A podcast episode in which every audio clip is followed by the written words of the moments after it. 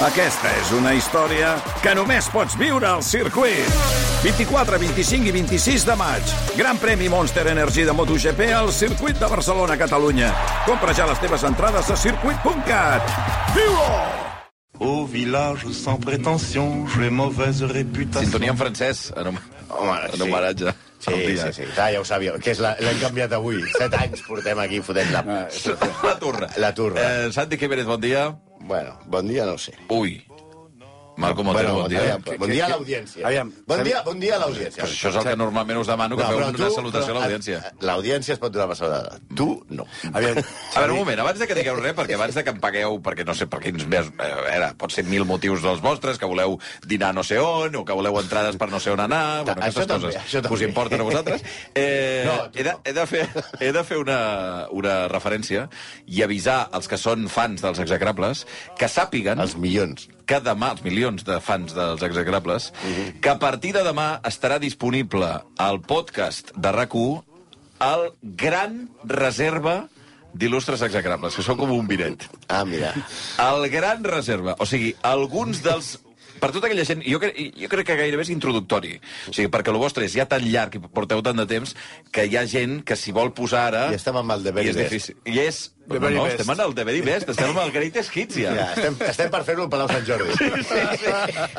Demà, per tota aquella gent que encara no s'ha introduït al món dels execrables, o per la gent que els hi agraden i volen recuperar, demà estaran penjats a rac a través de la- de l'aplicació, i en parlarem, els The Very Best, els gran Però, ah, reserva dels execrables no dels últims anys. No, no els hem triat nosaltres. No, perquè només faltaria que els triéssiu vosaltres, que no teniu criteri.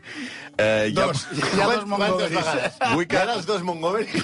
vull que us ho trobeu. A partir de demà ho aneu a buscar a veure quins s'han escollit. Espero que hi hagin els dos Montgomery. M'agradaria molt, perquè a més en el segon no feu cap tipus de referència. No, crec que fem bromes bastant similars. Sí, sense, sembla que són bastant- sense recordar-te... És molt gros. És molt gros que acabeu al mateix puesto sense Això ens dona un, un, una coherència que no pensava que no teníem. sí, som igual, igual d'imbècils cada vegada. Cada... Sí, sí. Passen els anys i seguim fent, Ai, ai, ai. fent les mateixes idiotades. Bueno, a partir de demà, això. Què, què, No, què voleu no, dir? a veure. A veure, jo ahir no vaig sopar, eh, Xavi, pensant... Bueno, sopar és el teu problema. Quin... No, no, perquè arribaria. No, no, no, I la festa que tindríem preparada... Una, jo, jo ja, no esperava Don Perignon perquè et coneixem, aquí al Garrep a Bundó. Però Però una mica, un cava de Mercadona, saps? Alguna coseta. ADGM, tio. No sé sí, sí. no sé. Ho Però- rebentes. Però què... Una altra com vegada. va passar dimecres, ja dissabte, tio. 25 anys consecutius liderant el cap de setmana No, sí. i, i, i ja M'estic marejant, ja, les aigüetes i la fruita perquè la porta i perquè la regalen. A veure, és que jo no puc... O sigui, a l'hora que ja arribem aquí no puc anar al buscar res. Clar, A veure, no podia ser. Llavors em diries, és que has enviat a no sé qui, no, un ho has fet moment, tu un moment. mateix. ADGM va sortir que dilluns, Dimecres. Dimecres. dimecres. Va, no tenies temps, no? Tenies moltes coses a fer, no? Ah, clar, no, no, no, jo ho entenc, ja ho Però entenc. què, vol, què, vols- què esperàveu que hi hagués? Home, doncs pues, jo què sé, un, una escopeta de cava... Per... Copeta de cava, eh? A les 10 del matí, eh? Ara, no, no, a les 10 del matí era quan, quan vam començar la secció. Ara ja són les 10.45. A veure, tinc un missatge de Carles Fernández que deu reivindicar també eh, alguna Sí. cosa. És el gran reivindicador, però sí, sí. En la mateixa línia que vosaltres. que hi havia tres persones a, a la porta de l'edifici que posava gràcies execrables. Ah, ah, sí, eh? Sí, sí, amb unes pancartes. Menys Sí, mal, menys mal. perquè això a l'EGM ha anat bé. Ha anat molt bé. Ha Ah, molt bé. Sí, el, van fer, el devien fer l'enquesta abans de dissabte passat, Eh, sí, i tant. que és quan ens vas cancel·lar Eh? i ens vas fer fora del programa Sí. per fer l'especial Via Baños. Sí, sí, sí. sí. No era Via Lliure, era Via Baños. Via Tovaris Baños. Sí, perquè la, la, la troika és Putin, Prigozhin i Baños. Sí, era... Sí, jo És l'opositor, posar l'opositor tots dos. Quan ja veníem cap aquí, que la Cristina diu sembla que no, bueno, ja t'aviso ara, no sé què, que no podrem venir, que no... Que no pinta bé. Que no, molt bé, felicitats pel programa, però si no arriba a ser pel Banyos no sé com ho ompliu, eh? No, no, Baños va estar esplèndid. No, ba Banyu, Bany, Banyusuc. Banyusuc va estar extraordinari. Se sap l'alineació de tots els generals que van des de la revolta del 2015, eh, del, 2000, del No, del 1915, 1917, del sí. 1917, exacte, fins aquí, amb tots els seus successors i els noms de tots els cossos Sí, militars sí, sí, russos sí, sí, i sí. ucraïnesos. Jo crec que si es presentés a les eleccions de Sí, Rússia, sí. el matarien. A més, té una, no, té una, té una cara una mica... O sigui, té ulleres Té una així... cara, sí que té una cara, sí. Té ulleretes així una De- de miqueta... trotskista, no? Trotskistes. I jo quan el vaig conèixer, uh, què, fa milions d'anys a la facultat. Sí. I amb aquella perill... I, per tant, Oi? era, era molt, era molt Eh? trotskista. Que és molt trotskista? Sempre ha sigut molt trotskista, així. sí, sí. No acaba bé el tema Trotsky. eh? No, no, no. El banyo, en canvi, bueno, tampoc, Tan farem, tampoc farem. Bueno, en tot cas, felicitats i esperem la convidada habitual. A què? Pues mira, podem, de, mira, podem anar al Cruïlla. Sí. Gràcies, Cruïlla, sou meravellosos. Mm. T'estimem, Cruïlla. I, Anem cruïlla com si fos un Bruce Springsteen. Sí. És que és I després podem anar a qualsevol dels teus restaurants, quatre restaurants de, De capçalera, no? Quins són, a veure? Home, suposo que, com el dia de la rebella... Aquell dia que te'n recordes que el dia següent volíeu fer festa i va sortir mm. Prigozhin, doncs pues que devies anar a dinar a Girona, mm -hmm. al celler, a berenar a Olot, a les Cols, a sopar a l'Hispània d'Arenys, i el ressupor ja quan vas arribar a Barcelona al disfrutar, no? Però el disfrutat no hem dit mai res, no? Els hem de trucar un dia d'aquests, doncs. Ah, exacte. El Xatruc, el Perquè Casanyes. Tu, perquè, sí, home, si tu ja te'ls coneixes a tots, ja. Sí, el que és Baños, a, amb la cúpula militar russa... L'alineació dels xefs de Catalunya la tenim, saps la tenim El que controlada. talla el pa, saps el nom del que renta els plats al celler de Can Roca, el, el sommelier ai. suplent... Ai, ai, ai. És que molt millor que la guia Michelin és la guia Bundó. Sí, sí. Undo. Bueno, però, va, això, però, però- però... suposo que volies quedar bé, quedar bé amb tothom, no? Sí, que això- s'ha d'aguantar, de veritat. Sí. Ai, ai, ai. ai. Però ja esteu de Sí. rajar? Va, vinga. Bueno, encara podríem rajar més. Eh, encara podríem rajar més, bastant més, eh? De, De què? de, de, tot, de, de, De què? tot. T'has- Però mira... Trata d'arrencar-lo, Malcolm. Trata d'arrencar-lo. de- D'aquesta descortesia que Estaria bé tenir un guió. El Santi mirant amb cara de desesperació. Eh? No, no, que se, se m'ha canviat la, la Se pàgina. se t'ha traspapelat, eh? Exacte, i, i encara està, com estic tan dolgut... Per això no ho improviseu. eh? Sí, que. Sí, no, sí, sí. això tot està escrit, com deien els de la competència. Això està, això està escrit? Sí, senyora, sí, No, està, però està, estic tan, dolgut, escrit. tan dolgut pel, pel teu lleig aquest de no tenir res, que és que no, no estic concentrat. No és veritat que no tingui res, tinc el meu carinyo, la meva abraçada, el meu amor fratern i una, i una mica de fruita. Bueno, és que tu t'és igual quedar bé, i avui... I, una, I unes aigüetes. Unes aigüetes de, de Fontvella, sí. Mira, avui parlarem d'un home que això de quedar bé o malament li importava una merda. Com a tu, com a tu. Un home poderós... Com que tu. va ser- Un home poderós com tu, que va ser implacable dirigint la indústria del cinema durant gairebé tot el segle XX. Un tipus que, desgraciadament, tothom sabia que era un violador, Ui. assetjador sexual... Això Ja no m'assenyaleu, ja. Ah, ja no, ja no. No, això no. Dèspota, això ho hem de pensar, eh, iracund No. i racista. Va, això no. I amb el que ningú s'atrevia a posar-s'hi, la veritat. Sí, aquest home el vam descobrir, sobretot després de l'esclat del Me Too. Mm -hmm. Però, El Weinstein. Sí, sí, quan va sortir el Weinstein... Va Ah, no, ser- perquè Weinstein és viure, encara. Sí, Weinstein és viu, sí, no, no, no parlarem de Weinstein. Però quan va sortir l'escàndol Weinstein, tothom va... Hi havia un altre abans. Hi havia un abans Ah. que era molt pitjor, que feia el mateix i tal. Quan va esclatar el cas Weinstein, periodistes, escriptors, sobretot actrius, i molta gent relacionada amb el món de Hollywood va dir hòstia, abans hi havia existit un fill de puta de que era com Weinstein. Un home que arrasava a cada cerimònia dels Oscars, com, com, Weinstein. El, com, com Weinstein i com Mal... Imagineu-vos Malcolm amb un bufet, el nostre home era uh, el... O sigui, allò de l'esmorzar de l'hotel, que passa mal com zas, Sí, sí, no deixa sí. res, doncs aquest senyor arribava a la gala dels Oscars, ras. Sí. Tal era el seu èxit i la seva fama que fins i tot es va haver de canviar les normes d'un premi que s'entregava, s'entrega encara als Oscars, que és el Premi Especial Ilving Thalberg a la, a la indústria cinematogràfica, que s'entregava durant els Oscars i Sí. que ell, quan ja el va guanyar per tercer cop, Home, però si, és- si és honorífic no pots guanyar tres vegades, home. allò Però què és dir això? Tres vegades. Des d'aleshores van dir, hòstia, ja no es pot repetir. Ara només es pot guanyar un cop cada persona. Parlem de l'inventor del casting coach, que vindria a ser el càsting del sofà, l'elecció del sofà. Un escarós anomenat Darryl Francis Zanuck, però conegut per tot el món com Darryl F. Zanuck.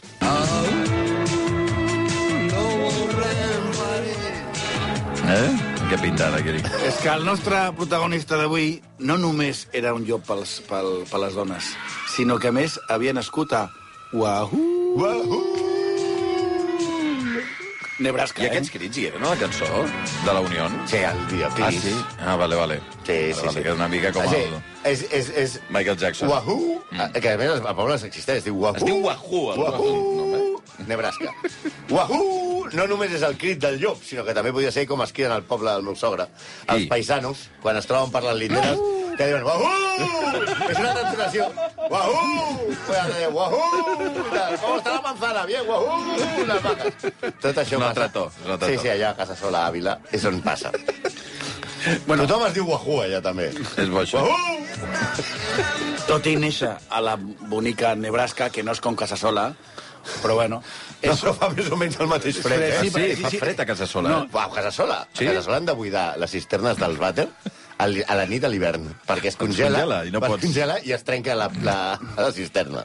Sí, no, a Casasola no he estat, però tampoc a Nebraska, però Nebraska és una de les regions més fredes de tots els Estats Units. Perquè es fa una idea, la temperatura mitjana de tot l'any, òbviament sí, hem d'incloure l'estiu, és de 17 graus. Però a l'hivern. El promig és de 8 sota 0. Ah, durant tot l'hivern, 8 sota 7 de mitjana, eh? De mitjana. I la, la mitjana de tot l'any surt a 17, imagina't. Hòstia.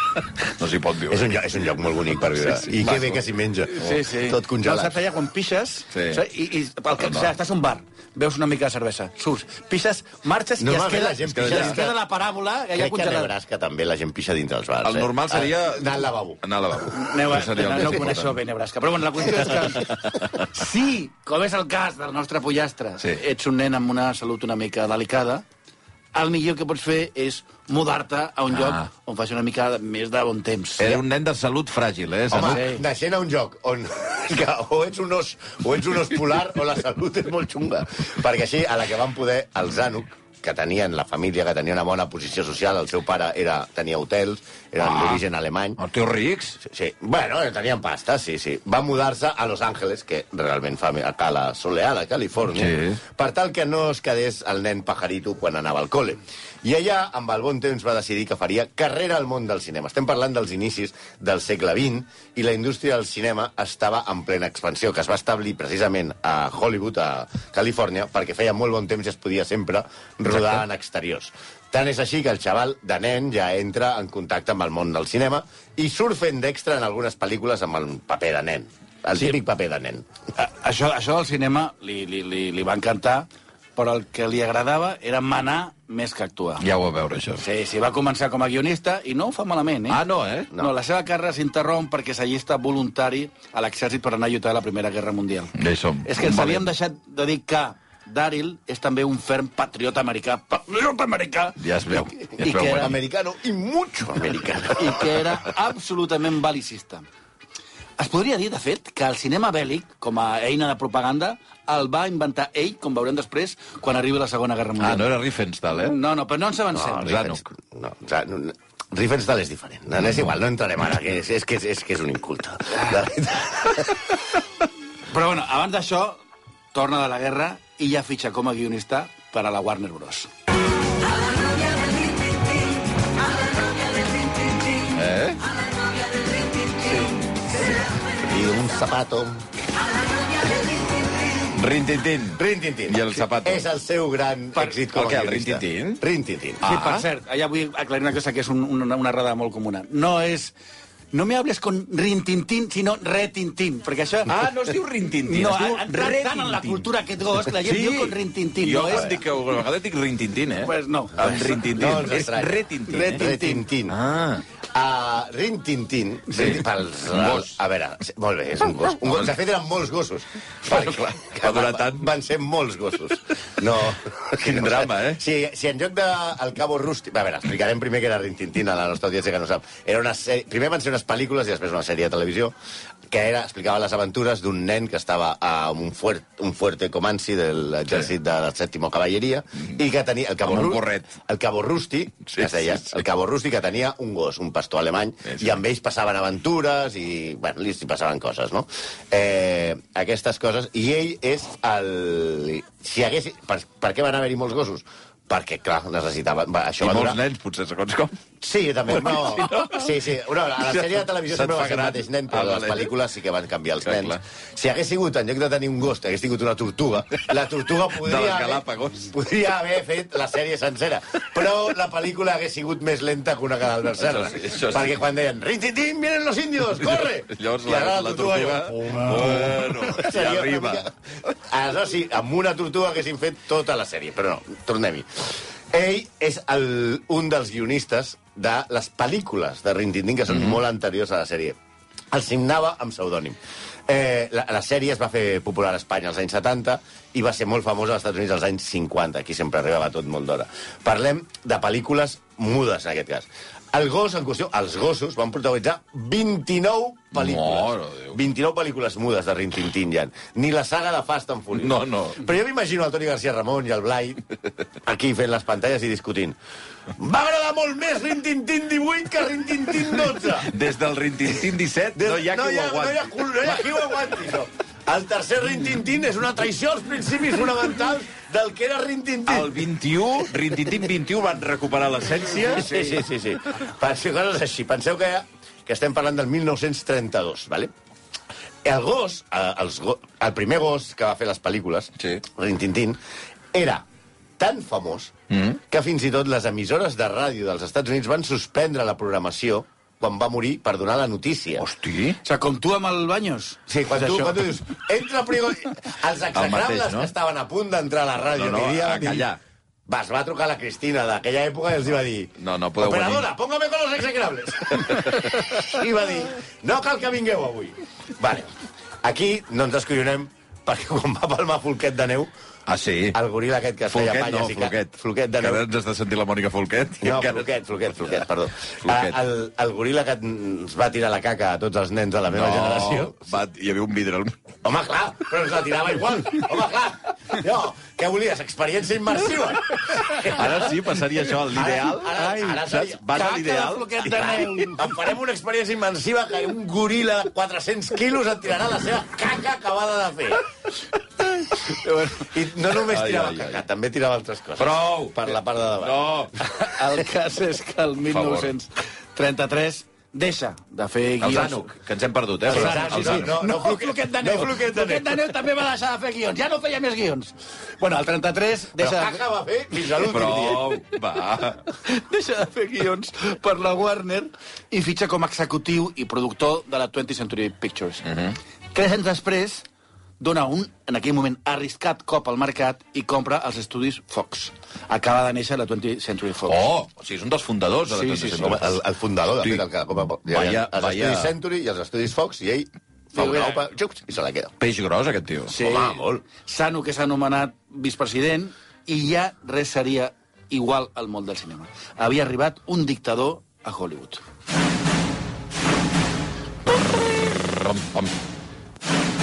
Eh? Me'n record? Sí, home, sí. No fa dos voltes, això.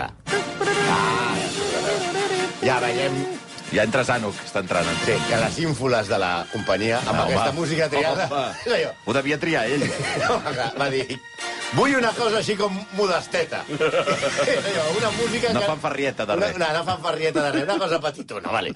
Com a cap dels estudis, 20th Century Fox, Zanuck era el més semblant a Déu. Ho controlava tot, i ho feia de manera tirànica, com Déu. Tot, el Déu de l'Antic Testament, bueno, com Déu. igual. Tot ho feia ell, i en un dia podia despedir un treballador tres cops. I el deia, Grande. tu, fora, puta casa. I el tio després el deia, no, home, no, que s'ha emprenyat, torna. I ell, què fa aquest aquí? Que t'entra per cul un altre cop. No. Ell prenia decisions sobre quines històries o quins guions s'havien de comprar, escollia personalment els actors i les actrius protagonistes Hosti, sí? per les pel·lícules. Eh, això és... Sobretot les actrius. Sobretot les actrius, això és el que anirem ara. I només acceptava les suggerències del director en els papers secundaris, que no li importaven gens. Depèn de qui fos el director durant el rodatge, el deixava més o menys tranquil. Però amb els altres es presentava de sobte enmig del plató, del rodatge, i els hi deia com havien de fer. Quita, quita, quita la càmera d'aquí, home, posa't aquí, no veus que això no pot ser? Insuportable, Deixa eh? que jo ho faig jo. Vale. Tot i això, quan acabava el rodatge, els directors mai sabien com quedaria la pel·lícula perquè la postproducció es feia sempre com deia ell. I si no estaves d'acord, com diu Damià López, al carrer! Sí. Quan els Estats Units van entrar a la Segona Guerra Mundial, ell va crear una filial de la 20th Century Fox que es deia Signal Corps, que es dedicava a fer documentals que es projectaven als cinemes abans de la pel·lícula i que narraven pues, la propaganda de la guerra, no? Ell mateix va anar al nord d'Àfrica per filmar les tropes. Me l'imagino dient a Montgomery, per cert, Montgomery. Un dia hauríem de fer un Hauríem de fer Montgomery. Hauríem de no? fer Montgomery. Un dia. Sí, sí, jo crec que té un execrable, que jo No. crec que té un execrable, l'hem d'investigar. Sí. Però bueno, però ell ar- arribava allí i m'imagino dient-li a, a qui sigui com havia de posar els tancs que, perquè surtis bé. Aquí, aquest tanc no, més a la El dreta. plano no em va bé. Sí, Montgomery! Hi ha dos tancs iguals. Home, posa't una a la dreta i una a l'esquerra. Rommel, no ataqui per aquí. Aquí no que queda no bé. va bé la llum. Ataqui la llum. I el Rommel, però què diu aquest home? Diu, que tinc contra llum, home. Quan- A ver, el muerto este. Que- lo vuelvan a matar. Aquí s'ha mort molt malament. No, quan va acabar la campanya a Europa, va anar al Pacífic per la guerra contra el Japó. Sí, També, no, eh? sí, clar, va anar després, es va acabar a Europa i va anar al Japó. No descartem que el fet que es tirés una segona bomba atòmica després de Hiroshima sobre Nagasaki fos idea seva, perquè la toma no havia creat bé. No m'ha acabat d'agradar, Sí. això. Este hongo atómico no ha quedado suficientemente alto. Diu, què fem? Anem a Nagasaki, segunda toma. Vale. Uh, per la seva col·laboració amb l'exèrcit va ser condecorat. I amb galons i tot l'esperit militar va tornar a Hollywood per tornar a dirigir els estudis. Si abans ja era temible, després de passar per la guerra, ja amb el seu esperit militar, va ser molt pitjor. El primer que va fer va ser despedir el seu col·laborador íntim, Spiros Escures, perquè no li agradava com estava plantejant el rodatge d'una pel·lícula que es deia El dia més llarg. El dia més llarg és una mega super eh, extraordinària producció en el que sortien tots els actors estrelles de la Fox, a major glòria de l'exèrcit, on s'explicava el desembarcament de Normandia el dia D. I que ell mateix va, de, va, de, va dirigir fent fora directors cada tres dies.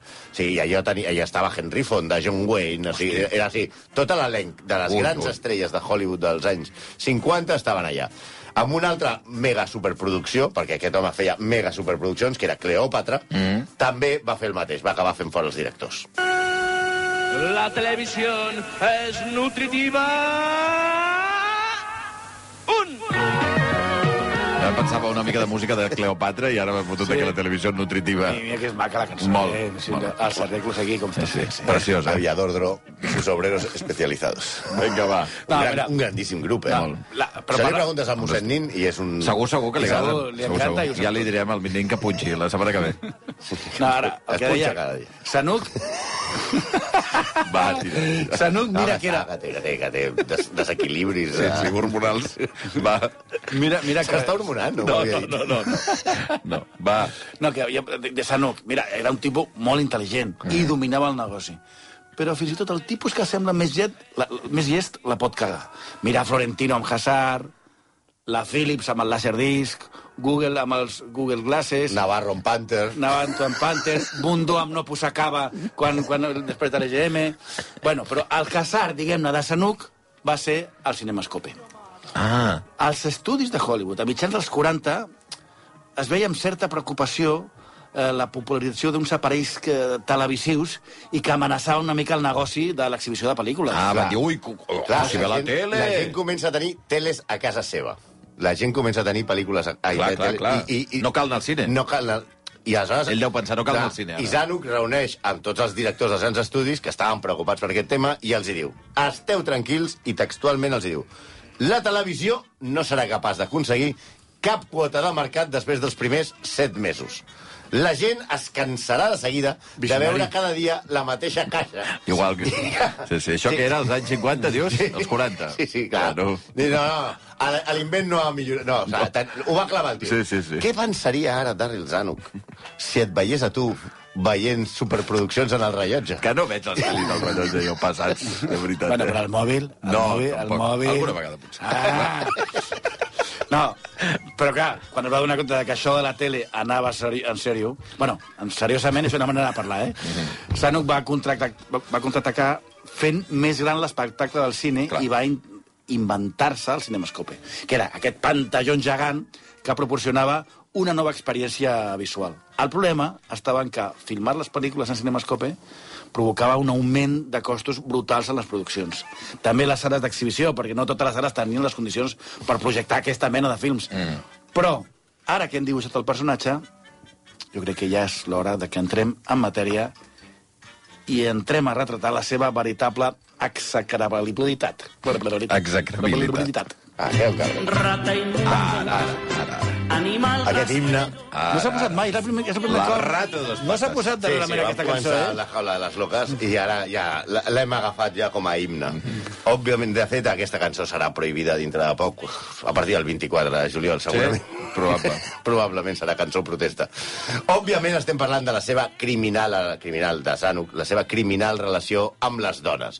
I hem deixat clar que estem parlant de l'home més poderós del negoci del cinema d'aquell temps i que ho decidia tot. Podia fer-te una estrella o podia fer que mai més tornessis a treballar. I ella es va saber aprofitar la situació utilitzant el seu poder per violar a les actrius que volien treballar amb ell. Tothom ho sabia. Era un secret a veus, però gairebé ningú es va atrevir mai a denunciar-lo. Sí, només el 1956 a la revista Picture Gour, eh, va sortir un reportatge titulat Els, eh, els perills en el món del, de l'espectacle, on quatre actrius, que en aquest cas eren Joy Webster, Dorinda Stevens, Anne Haywood i Marigold Russell, explicaven com Zanuck i altres productors havien exigit, poso entre cometes, favors sexuals a canvi de fer progressar les seves carreres. Que eren conegudes a l'època. Sí. Un, Però, Però- ara us sonen. No sonen. us Sonen? sonen Joy? Webster, Dorinda Stevens, Anne Haywood i Marigold Russell. Ah, doncs no. aquestes són les que van denunciar. Que raro, no? Que no, ah, ja que no. raro, Vale, no? vale. Sí Sí, que per no- què no les coneix ningú? Perquè van denunciar. Ja, ja, ja, ja. Perquè van, no van tornar a fer una pel·lícula en sa puta vida. Ja, ja, ja. L'abús sexual no era exclusiu de Zanuck, però ell era el més poderós i el que tenia més impunitat. Fins al punt que ell va popularitzar el que dèiem a l'inici, el casting coach. La prova del sofà, o sigui, la prova del càsting per fer un paper l'havies de passar en el sofà literalment del seu despatx. Uf. Ell es va instal·lar un, un sofà al seu despatx i a per allà havien de passar les actrius si volien aconseguir un paper. El casting coach es, eh, tenia dues parts, dues opcions, no? O un cuicui, que és un polvo ràpid, com deia ell, Mare. o bé una fal·lació, que no caldrà que us expliqui què és. Com a predador sexual, Sanuk va fer passar pel sofà del seu despatx a tota la nòmina d'actrius de Hollywood. Marilyn Monroe, Linda Darnell, Carol Landis, Jen Tierney, Anne Sheridan, Jane Mansfield o, o Julie Holiday. O Bella Darby. Aquestes són algunes de les que, d'una o una altra manera, van, van, ja ha passat el temps, ho van denunciar, però no els hi van fer ni cas. Si et negaves, doncs, com hem parlat abans d'aquelles quatre, la vida professional s'acabava. Sí, podríem dir que si et negaves ja et podies donar per follada, però en aquest cas més aviat és al revés. Més aviat al contrari. Maureen O'Hara no es va deixar i va haver de suportar una campanya de difamació en contra seva per part de les revistes del món del cinema, que, òbviament, també eren con- controlades per Zanuck. Ah, també ho tenia, això. Clar, aleshores, ella, Maureen O'Hara, no va voler passar pel casting coach, i era una actriu famosíssima, i aleshores eh, Campanya. van començar a sortir que si era comunista, mm. que si fumava, que si era alcohòlica, que si era drogadicta, que si enganyava el seu marit, que si no sé què, que, i tot això, les, les columnes aquestes de cotillejos de, de les, Els gossips, els eh, gossips allò de, de, que evidentment els dictava ell. Sí, les agressions, la veritat, a més, no, no en tenien d'edat. El 1988, Shirley Temple va publicar les seves memòries, Child Star, en les que explicava que quan tenia 11 anys, alerta, el productor Arthur Freed li va posar el penis a la cara al seu despatx. dius? A Shirley Temple, a la nena dolça aquesta. Sí, sí, sí, Shirley Temple. Sí. Marilyn Monroe va declarar que havia viscut des de sempre l'assetjament sexual als despatxos dels productors, especialment de Zanuck. A les seves memòries, Monroe escriu eren persones despreciables i corruptes, però et seies al seu costat i veies Hollywood amb els seus ulls. Un bordell ple, un carrusel de llits en lloc de carrusels de cavalls. Monroe va ser una de les víctimes favorites de Zanuck, que a més de violar-la, disfrutava humiliant-la fent-la actuar en pel·lícules que ella no volia fer i maltractant-la psicològicament en papers de rosa tonta. Sí, en el llibre The Sanuks of Hollywood, vull dir, els, els Sanuks de Hollywood, que ja és que Sanuk ha arribat a una categoria... No, perquè també va tenir el seu fill, Clar. que va, que va, heretar, que va heretar els estudis. No, clar, el negoci familiar era aquest. Doncs. no, la, de, es diu The Dark Legacy of an American Dynasty, de Merlin Harris, s'explica en detall com cada dia, a les 4 de la tarda, Sanuk tancava la seva oficina a la, a la Fox Century City per atendre a les aspirants actriu, que arriben al seu despatx per un passadís secret, fora de la vista de la gent, per tal de mantenir una mica la impunitat i la discreció. Aquestes aspirants actrius, Zanuck les anomenava carinyosament studio hookers, les putetes de l'estudi. Sabem la història d'algunes famoses, però hi ha centenars que mai van obrir la boca, i molt pitjor. Carol Landis i Bella Darby, dos de les que comentàvem, van acabar suïcidant-se després de la campanya de desprestigi organitzada per Zanuck. I per què els hi va organitzar la campanya? Landis va negar-se a passar més pel sofà i Darby era bisexual. Quan Zanuck es va assabentar, va destruir les seves carreres. Sí, Linda Darnell, que va ser violada per Sano quan era un adolescent, va ser despedida dels estudis i mai més va trobar feina quan es va casar, perquè això va enfurismar eh, Sanuk. Barbara Stanwyck va explicar molts anys després que va poder fugir de la seva oficina quan la va intentar violar. A les seves memòries, Joan Collins recorda amb agraïment el consell que li va donar Marilyn Monroe només arribar a Los Angeles des de Londres. Només et dic una cosa, vés en compte amb Sanuk. Després un productor li va oferir posar-li un pis on l'aniria a visitar i que si volia actuar a Cleòpatra només has de ser simpàtica amb mi. Era el col·laborador més proper a Zanuck. A diferència de Weinstein, Zanuck va morir sense haver estat condemnat per cap crim i amb una gran fama. Però gràcies a la valentia de les actrius que van denunciar el Me Too de Weinstein, mai més serà recordat com un home il·lustre del cinema. Serà un execrable. I un cabronàs, també. Hosti, no, quin fàstic de personatge, de veritat. I saps el que, Insuportable. però saps una cosa que feia bé quan guanyava un Òscar? Què? Convidava xampany. que fins i tot en la seva execrabilitat més absoluta era millor que tu. No m'has. Va, 4 minuts i arribarem a un quart de 12 del matí. Doncs avui els execrables eh, vull d'anar al pub, perquè és així, és el que han fet. Han vingut aquí i ara ja se'n van tranquils Ja, cap a casa. recordeu el podcast, ja eh? està. Ah, això, demà, gran reserva. Aquest, aquest, en concret, no sortirà. 3 minuts i un quart de 12. Apa, que vagi bé. Adéu-siau. Tout le monde viendra me voir pendu, sauf les aveugles, bien entendu.